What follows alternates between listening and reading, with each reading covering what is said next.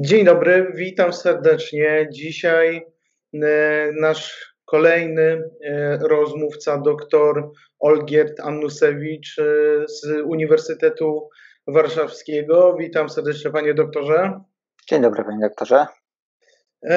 Chciałbym porozmawiać o temacie, który już został niejako rozpoczęty podczas naszego wywiadu w wersji pisanej, e, idąc e, wraz z konwencją e, no, naszego, naszego projektu. Teraz chcielibyśmy tutaj dopowiedzieć kilka, kilka kwestii, które pewnie powinny jeszcze wybrzmieć mocniej. Dodam już od razu, że doktor E, zajmuje się przede wszystkim zarządzaniem kryzysowym, e, zarządzaniem, które wydaje się w dzisiejszym świecie, takim świecie chaotycznym, e, w świecie bardzo szybkim, świecie, gdzie między innymi media odgrywają i słowa, które są podawane bardzo dużą rolę. No i właśnie w tym wywiadzie między innymi pan stwierdził, że właśnie kryzys to jest takie zdarzenie nagłe, Mm, który również y, no, swoje, swoje, mm, swoje źródło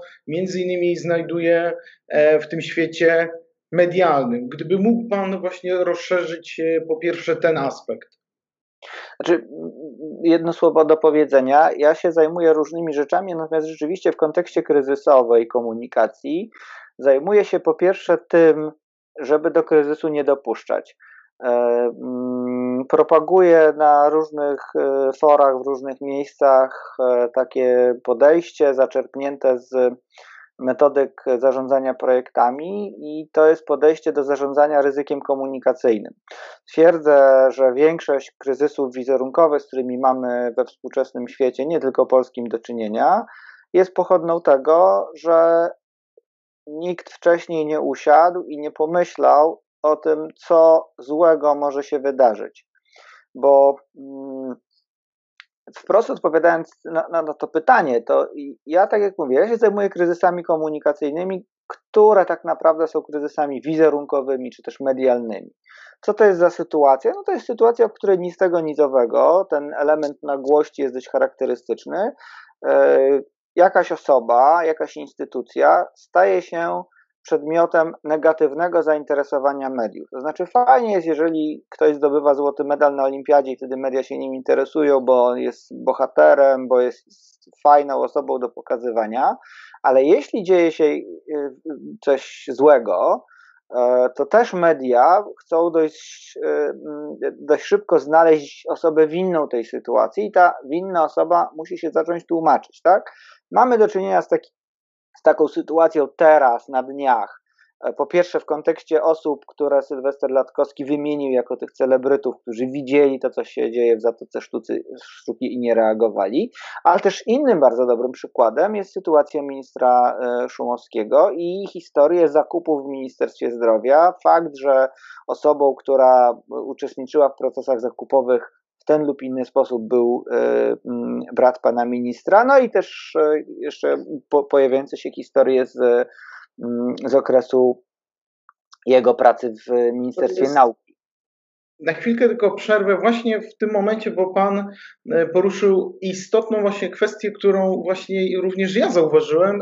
Wspomniał Pan o ministrze Szumowskim. I teraz proszę powiedzieć, jak to wygląda z Pana perspektywy, ponieważ rzeczywiście wybucha koronawirus, mamy ten moment no, niezwykle e, intensywnej komunikacji oraz również działań, które no, mają na celu mm, w określony sposób zahamować rozprzestrzenianie się epidemii. Mamy codzienne w zasadzie konferencje ministra, który tak naprawdę zyskuje na popularności, co odbija się również w rankingach zaufania, bo ja akurat też prowadziłem jedną debatę e, online'owo, gdzie e, Wspomniałem właśnie, że minister Szumowski z 19% zaufania społecznego wskoczył na 51%.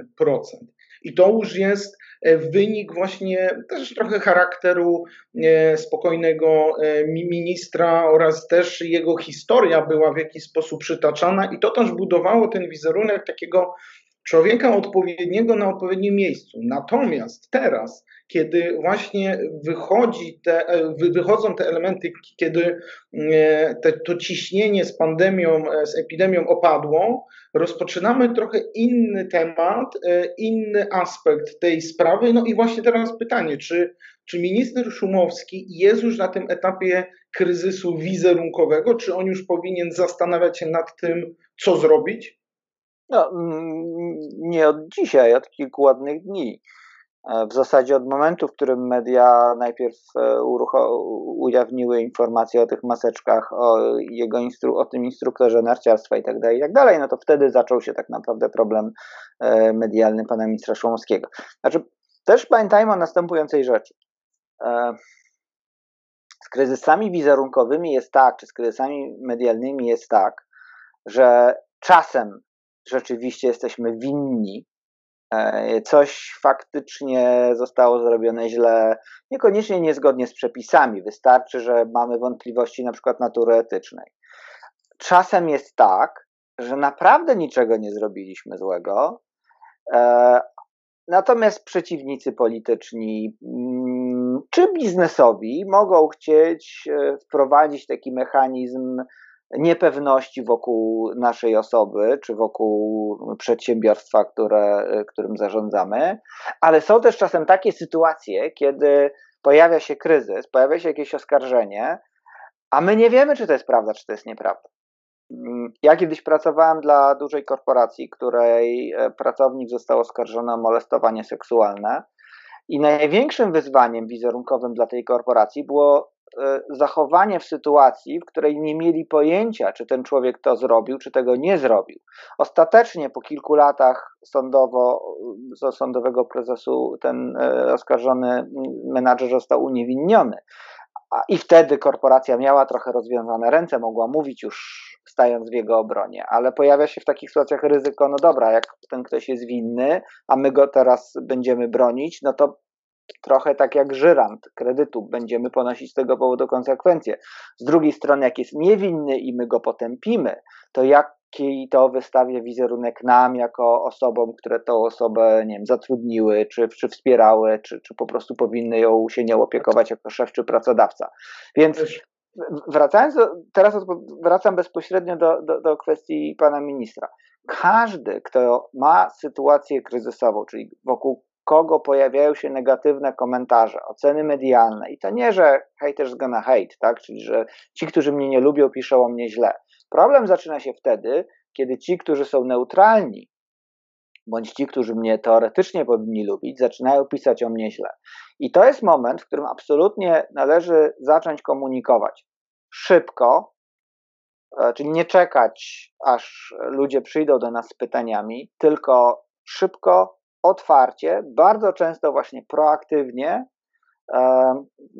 przekazywać jak najwięcej informacji, też jak najwięcej faktów, nie tylko komentarza, ale też faktów, po to, żeby pokazać opinii publicznej, jeśli jesteśmy niewinni, albo jeśli nie wiemy, co się dzieje, że mamy określony E, konstrukt moralny, że są pewne wartości, które są dla nas istotne. My tym wartościom jesteśmy wierni, po to również, żeby pokazać, jakie działania podejmujemy, po to, żeby wyjaśnić sytuację, w której się znaleźliśmy. I trzecią rzeczą to są właśnie te konkretne informacje, dane, fakty, które pokazujemy, które mają uwiarygodnić to, że my albo rzeczywiście mieliśmy prawo nie wiedzieć o czymś, albo że niczego złego, o co jesteśmy posądzeni, nie zrobiliśmy. Jeśli natomiast jest sytuacja, w której media wyciągają e, problem, którego rzeczywiście jesteśmy winni, na przykład nie dopilnowaliśmy czegoś, nie mówię tutaj o jakiejś winie umyślnej, chociaż to już jest zupełnie inna kategoria, no to wtedy trzeba po pierwsze przeprosić, po drugie wyjaśnić, jak doszło do tego błędu, a po trzecie pokazać, co zrobiliśmy, żeby ten błąd w przyszłości nie mógł się powtórzyć. No to teraz, y, teraz mam pytanie, ponieważ minister Szumowski w pewnym momencie na etapie swojej komunikacji użył takiego stwierdzenia, wydaje się, że chyba, że bardzo emocjonalnego, że w tamtej sytuacji, na tamten czas e, tak naprawdę liczyła się każda pomoc i minister e, wziąłby każdą maseczkę, która, e, no bo oczywiście wiemy o co chodzi, o aferę maseczkową, że te maseczki, które dotarły do Polski były bez certyfikatów, bez, nie, nie spełniały wszelkich e, norm. I minister wtedy mówi tak, że w tym czasie byliśmy, oczywiście to dopowiedzenie było, byliśmy tak zdesperowani, żeby pomóc, że nie zwracaliśmy tak do końca uwagi właśnie na to, czy te certyfikaty są, czy ich nie ma, bo po prostu te maseczki były potrzebne. I teraz pytanie, mm, czy takie wytłumaczenie w tej sytuacji jest e, prawidłowe, czy chociażby no niejako hamujące, że tak powiem, tą lawinę, która, e, która teraz e, idzie i ona się cały czas powiększa, bo wiemy już teraz e, kolejne i, i wątki, właśnie instruktor narciarstwa. Też jeszcze wszedł e, w tą całą debatę wiceminister zdrowia, który również pokazał tutaj SMS-a, no tu już wchodzimy trochę inny wątek Sławomira Neumana, więc jakby ta sytuacja się rozszerza, ale pytanie, czy właśnie to wytłumaczenie ministra było dla Pana wystarczające, czy przynajmniej zatrzymujące e, te negatywne emocje? Znaczy, ono było dla mnie wiarygodne. E, choćby z tego powodu, że no, ja sam mam pewne doświadczenia kryzysowe. Na szczęście nigdy nie musiałem mm, działać w sytuacji pandemii i zarządzać tego typu procesami, e, ale potrafię sobie wyobrazić, że mamy do czynienia z gigabajtami danych, e, wieloma wydarzeniami, które się dzieją równolegle, jednocześnie obowiązkami wynikającymi z pełnionego urzędu, jednocześnie obowiązkami związanymi z komunikowaniem do społeczeństwa. E, ten niewyspany minister Szumowski jest, taką, jest takim dobrym też symbolem, dowodem na to, że rzeczywiście wtedy ten czas był absolutnie wyjątkowy i niepowtarzalny. E, też trochę wiem, jak e, wyglądała praca w innych miejscach, które były także zaangażowane w, e, w zarządzanie tą, tą kryzysową sytuacją w pierwszych dniach pandemii. Kłopot ministra Szumowskiego polega jednak na tym, że mamy dość krótką pamięć. Czyli dzisiaj chodzimy sobie po ulicach, wprawdzie w maseczkach, ale mm, powoli ludzie zaczynają wracać do pracy. Można było, y, niektórzy mieli szansę pójść do fryzjera, y, jak szanowny pan doktor, y, więc jakby ta, ale trochę sobie żartujemy, ale to ma naprawdę znaczenie, bo my już, chodzi mi o to, że my już mentalnie nie jesteśmy w tej atmosferze, która była te dwa miesiące temu. I to powoduje, że na poziomie racjonalnym ja argument ministra Szumowskiego absolutnie kupuję. Znaczy, jeżeli statek, statek tonie, to zatykamy dziury czym się da, nawet papierem, nawet bibułą, o której wiemy, że ona się może za chwilę roz, rozwalić, ale za chwilę zatkamy to jeszcze czymś nowym, tak? Bo sytuacja kryzysowa wiąże się z dużą presją, z koniecznością podejmowania bardzo szybkich decyzji i wiąże się też z tym, że czasem te rozwiązania, na które się decydujemy, mają taki charakter patchworkowy, chwilowy. E, mm, improwizujemy. My zresztą Polacy jesteśmy świetni w tym improwizowaniu. To, że ktoś wykorzystał taką sytuację po to, żeby jak to zwykle na wojnie y, powstała jakaś nowa fortuna, to, y, to jest oczywiście coś złego.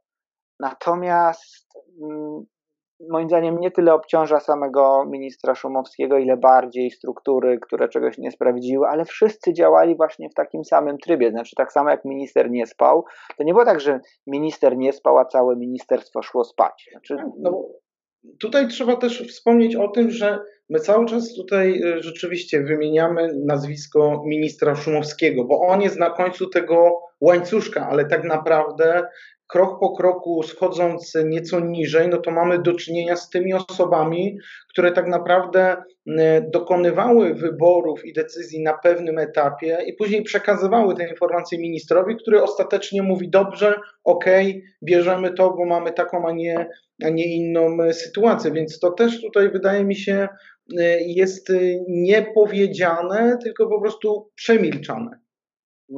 No, też jeszcze jeden aspekt jest, znaczy znowu sytuacja kryzysowa wyobraźmy sobie, tak, statek tonie, tak, mamy dziurę w okręcie. I ponieważ poprzedni statek ratowano przy pomocy niecertyfikowanej bibuły, która się rozpuściła e, i zrobiła się z tego afera, to teraz ktokolwiek jest na tym, na tym pokładzie, boi się wziąć szmatę, inne, inne materiały, żeby tę dziurę zatkać, bo boi się ewentualnych konsekwencji, które pojawią się, jak już ten statek uda się uratować. To jest na poziomie, ja używam y, takiego racjonalnej, y, racjonalnego podejścia, podejścia, które jest też trochę wyrozum, z wyrozumiałością do tej konkretnej sytuacji kryzysowej, także trochę dlatego, że mam tego typu doświadczenia osobiste. E, natomiast problem ministra Szumowskiego i problem Ministerstwa Zdrowia polega niestety na tym, że większość społeczeństwa, ta, która decyduje o tych y, wynikach zaufania, które Pan wspomniał na początku, reaguje dużo bardziej emocjonalnie i ma dość krótką pamięć. Więc jeśli mógłbym zasugerować ministerstwu jakąś strategię komunikowania kryzysowego, to bym powiedział tak.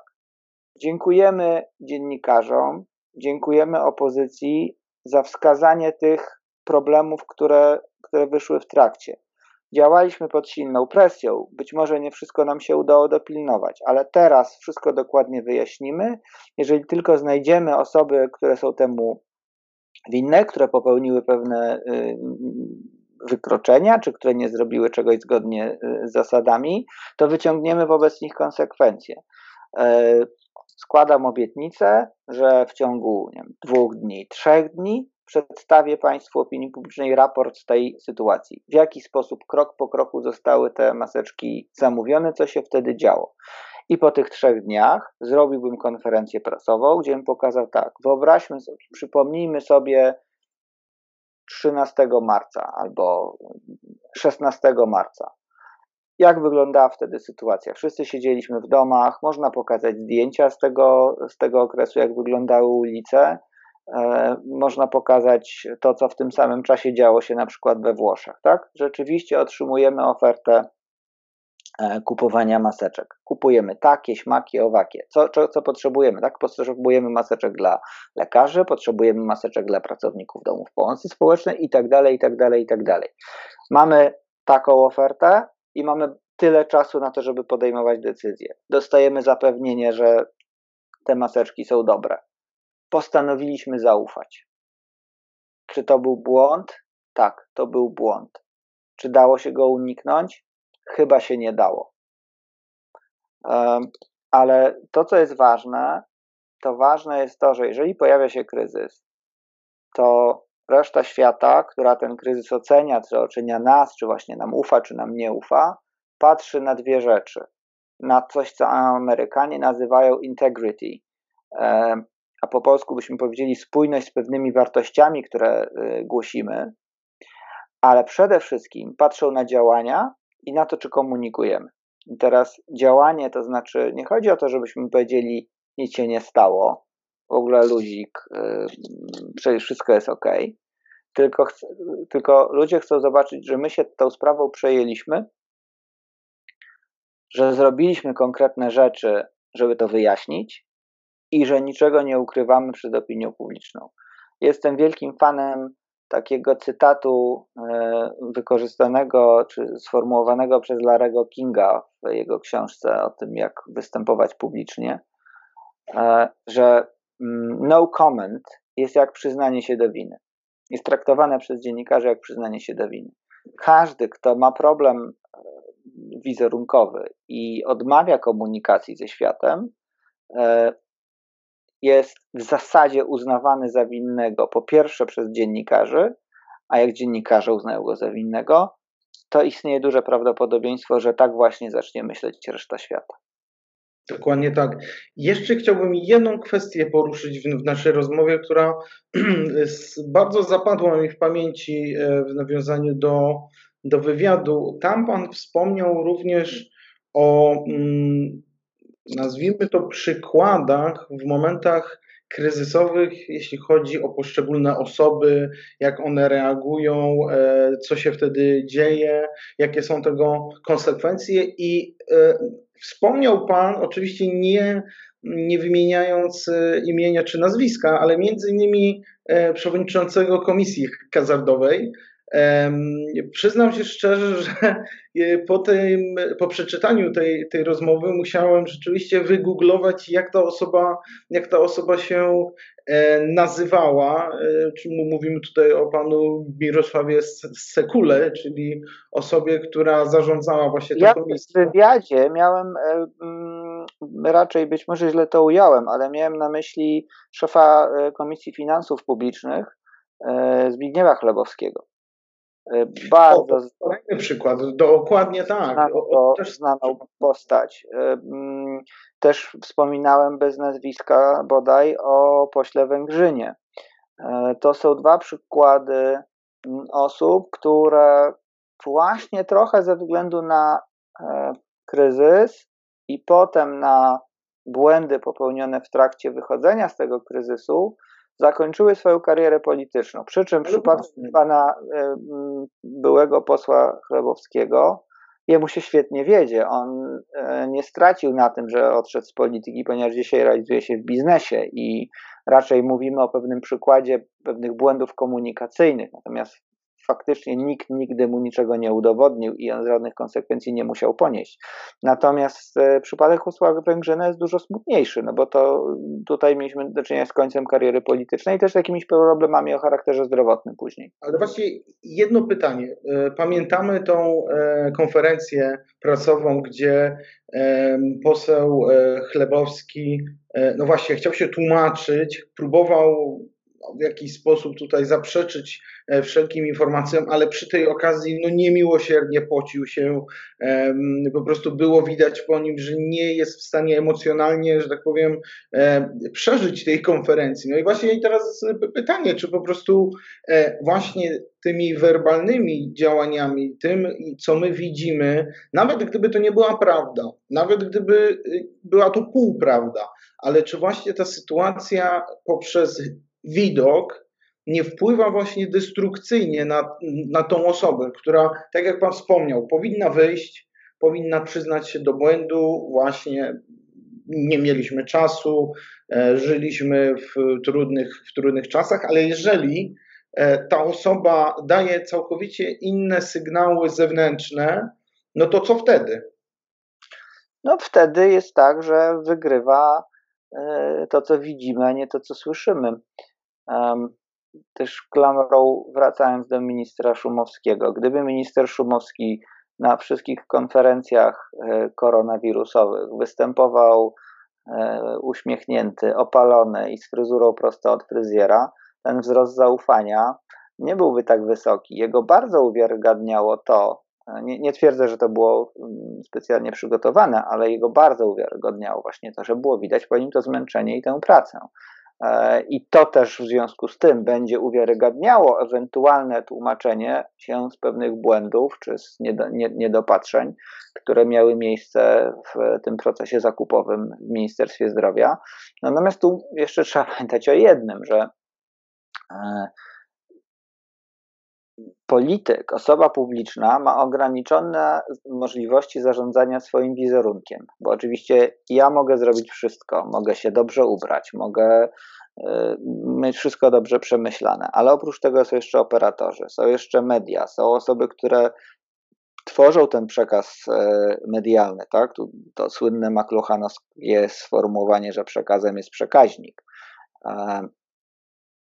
media is the message, e, mówiąc w oryginale. I to wszystko powoduje, że a, a, jeszcze ten system medialny nie jest homogeniczny, tylko jest heterogeniczny.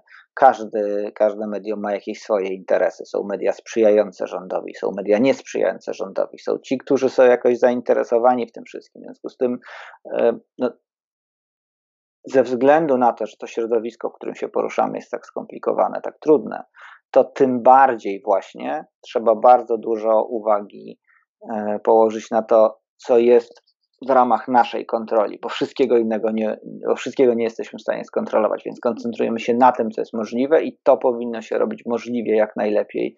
Właśnie, jeszcze raz powtórzę, otwartość, komunikowanie faktów, komunikowanie działań, komunikowanie wartości. I to jest właśnie w zasadzie podsumowanie i wytrącenie mi e, z rąk ostatniego pytania, które chciałem zadać, czyli właśnie e, jakie elementy doradziłby Pan e, w tych sytuacjach kryzysowych? No Pan tak naprawdę wymienił te, te cztery elementy. To jeszcze Bar... dołożę do tego szybkość. Dziennikarze oczekują, że informacje będą dostawali szybko i jeżeli będziemy przedłużali ten proces, to na pewno nie spotka się to z ich y, sympatią i być może również po, postanowią nie czekać na informacje od nas i wtedy pojawi się takie znane zdanie z wielu materiałów. Wysłaliśmy pytania do, tutaj pada nasze imię i nazwisko albo nazwa naszej instytucji, niestety nie dostaliśmy od nich odpowiedzi, kropka. E, no tak. Nieobecni nie mają racji. Tak, i dodajemy jeszcze brak sformułowania bez komentarza. Jak najbardziej. E, no comment jest jak przyznanie się do winy, jeszcze raz to powtórzę. Dokładnie tak. Dziękuję bardzo za tą wartościową e, rozmowę i życzę, e, życzę powodzenia w dalszej karierze, no i przede wszystkim tutaj dużo radości, jeżeli to można tak no, nazwać, z wykonywanej pracy, kiedy musimy zarządzać tym kryzysem, między innymi wizerunkowym. Dziękuję bardzo. Wszystkiego również najlepszego.